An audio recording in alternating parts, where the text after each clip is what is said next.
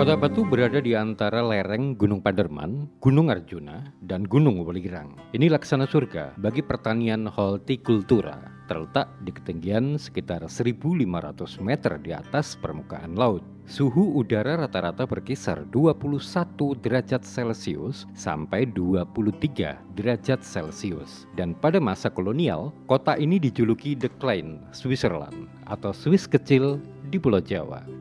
Gapura bertuliskan masuk kawasan wisata bunga Sidomulyo menyambut kami saat masuk wilayah desa Sidomulyo, Kecamatan Bumiaji, Kota Batu. Hilir mudik kendaraan yang mengangkut hasil panen dan juga bibit tanaman hias melintas di jalan desa. Letak Sidomulyo tak jauh dari pusat Kota Batu, salah satu sentra budidaya pertanian hortikultura, khususnya tanaman hias. Kota Batu memang memiliki banyak objek wisata buatan maupun wisata alam.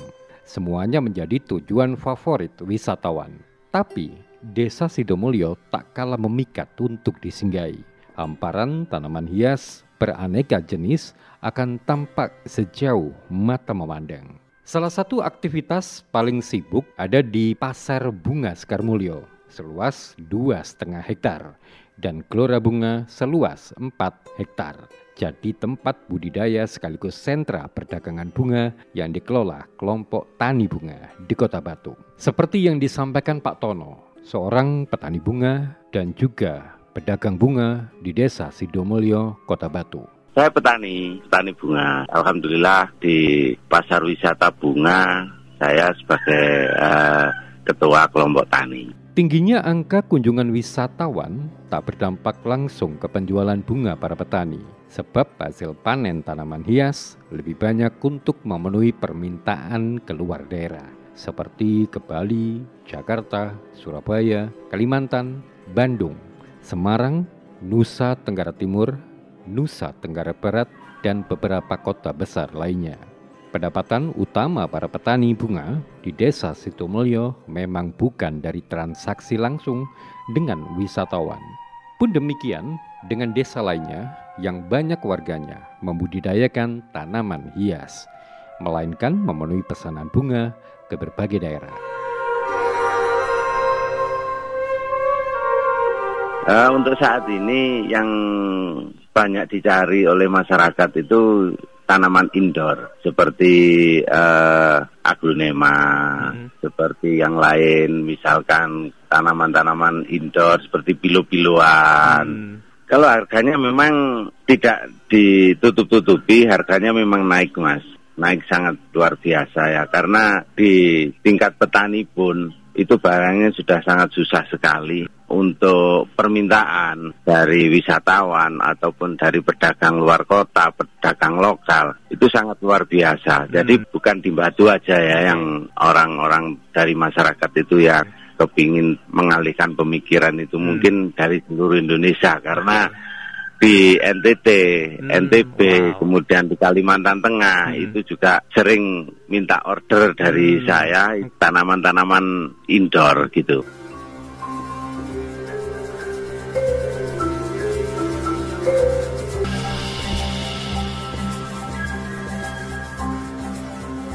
Menurut data pemerintah Desa Sidomulyo, populasi penduduk desa ini lebih dari 7.700 jiwa atau 2.400 kepala keluarga dan sekitar 85 persen di antaranya merupakan petani bunga. Total sebanyak 17 kelompok tani bunga di Desa Sidomulyo ini. Mawar, anggrek, krisan, sampai anturium paling banyak dibudidayakan di sini. Dan untuk saat ini yang paling menarik perhatian adalah bunga janda bolong yang ternyata memiliki harga yang luar biasa mahal.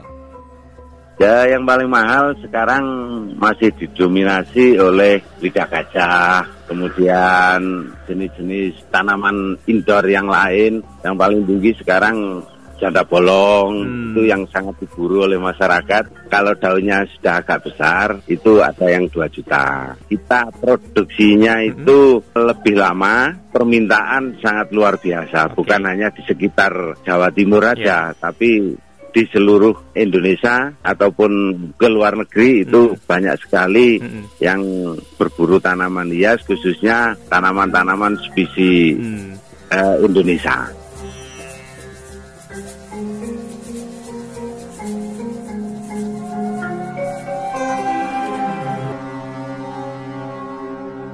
Riwayat panjang Desa Sidomulyo, budidaya tanaman hias bisa terus menggeliat dan berkembang di desa ini.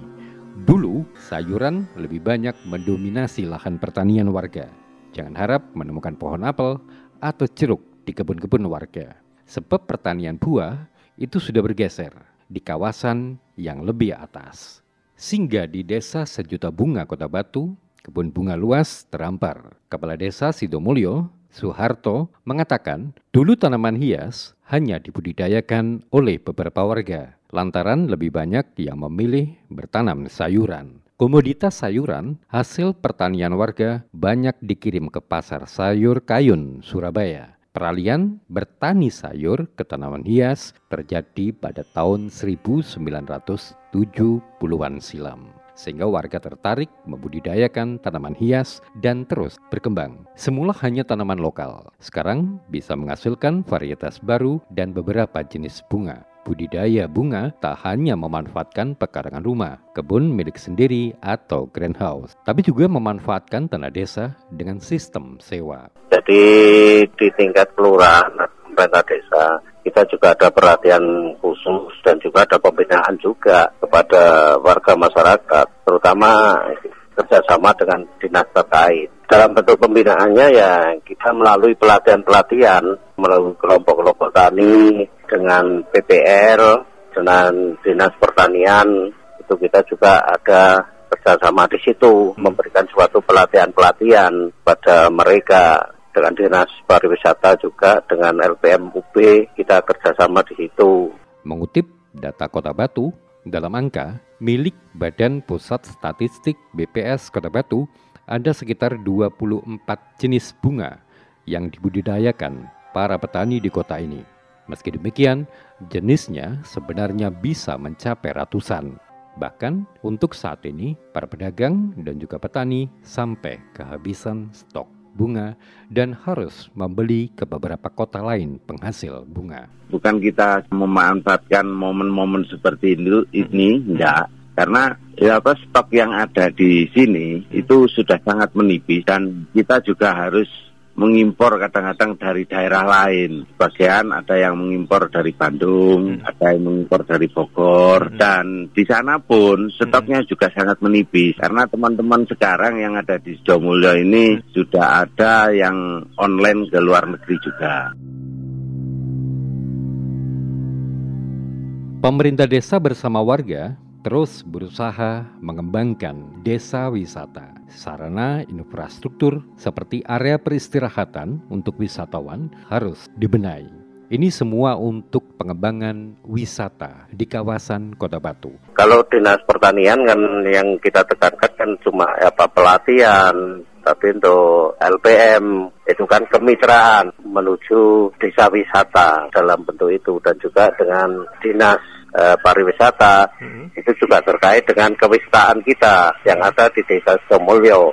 Kalau konsep desa wisata Sidomulyo memang ini belum kita garap sepenuhnya, cuma yang kita sama LPM Brawijaya ini hanya konsep seperti nanti ada wisatawan yang mau ke desa Sidomulyo ini dengan paket-paket mungkin mau menginap homestay sudah kita sediakan umpamanya ada wisatawan yang mau berwisatawan edukasi lah ini bagaimana cara menanam bunga, bagaimana cara menyetek atau mengokulasi atau apa pun yang berkaitan dengan edukasi di pertanian. Jadi itu sudah kita siapkan bahkan untuk makanan, transportasi itu semua sudah kita siapkan.